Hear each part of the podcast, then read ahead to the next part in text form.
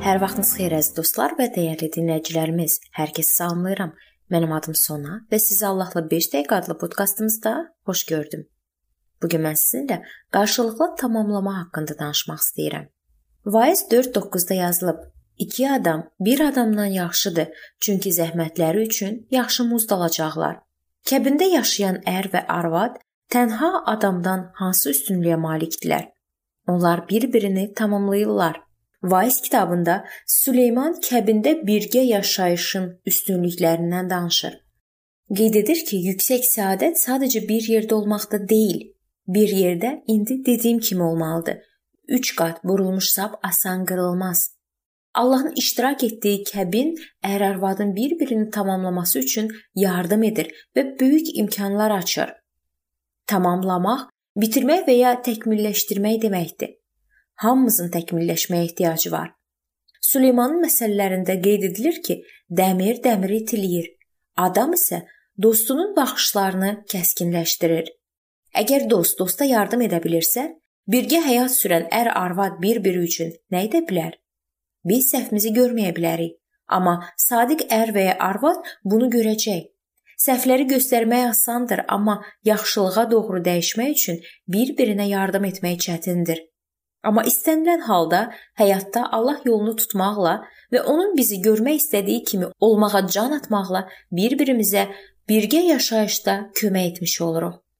Ər və arvad öz sahələrində inkişaf edərək gündəlik təsərrüfat işlərinin aparılmasında bir-birini tamamlaya bilərlər. Allah qadını ocağı qovurmaq üçün yaradıb. Yemək hazırlanması, tikiş işləri, qab-qaşığın yuyulması, Paltarların yuyulması, evin təmizliyi, rahatlığın yaradılması bu qadının uğur qazanmalı olduğu sahələrdir. Ərin üzərinə düşən isə ailəni təmin etmək, yol göstərmək və onu dünyanın təsirindən müdafiə etməkdir. Qadın ağıllı evdarlıq etməklə evi təmin edən ərin tamamlayır. 1-ci Yəhya 4:1-də yazılıb: "Ey sevimlilər, hər ruha inanmayın, Ruhların Allahdan olub-olmadığını bilmək üçün onları sınaqdan keçirin. Çünki dünyada çoxlu yalançı peyğəmbər meydana çıxıb.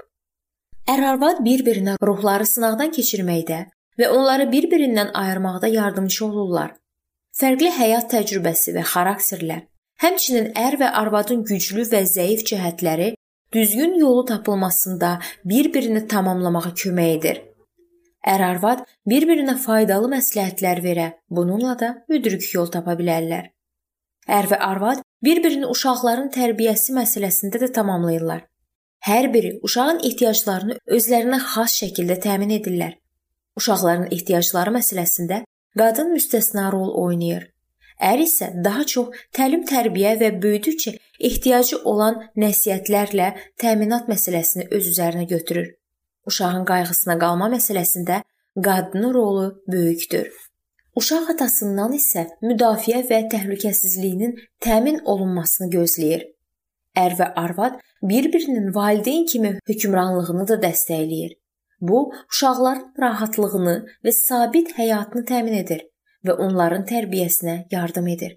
Valideynlərdən biri digərinə uşağa verilən nəsihətlərin tam aydın olmadığını və ya tərbiyəyə uyğun bir ardıcıllığın gözlənilmədiyini qüsur kimi tuta bilər. Ər və arvad həmçinin xarakterlərinin tarazlaşdırmasında bir-birini tamamlaya bilər. Biri ləng, digəri isə cəld və ya həddən artıq emosional ola bilər. Biri danışqan, o biri susqun. Biri üçün məqsədə çatmaq, digəri üçün isə qarşılıqlı münasibətlər əsas ola bilər hər şeyin öz yerində və zamanında olması üçün birgə səy göstərilməsində də onlar bir-birini tamamlaya bilərlər. Onlar həmçinin həyata tarazlaşdırılmış baxışı formalaşdırmaq üçün bir-birinə yardım edə bilərlər. Heç də həmişə və hər şey göründüyü kimi olmaya bilər. Allah tərəfindən verilmiş rollarında bir-birini tamamlamaqla hər biri daha da kamilləşəcək. Onlar kamilləşdikcə onların ailə daxili münasibətləri də kamilləşməkdə davam edəcək.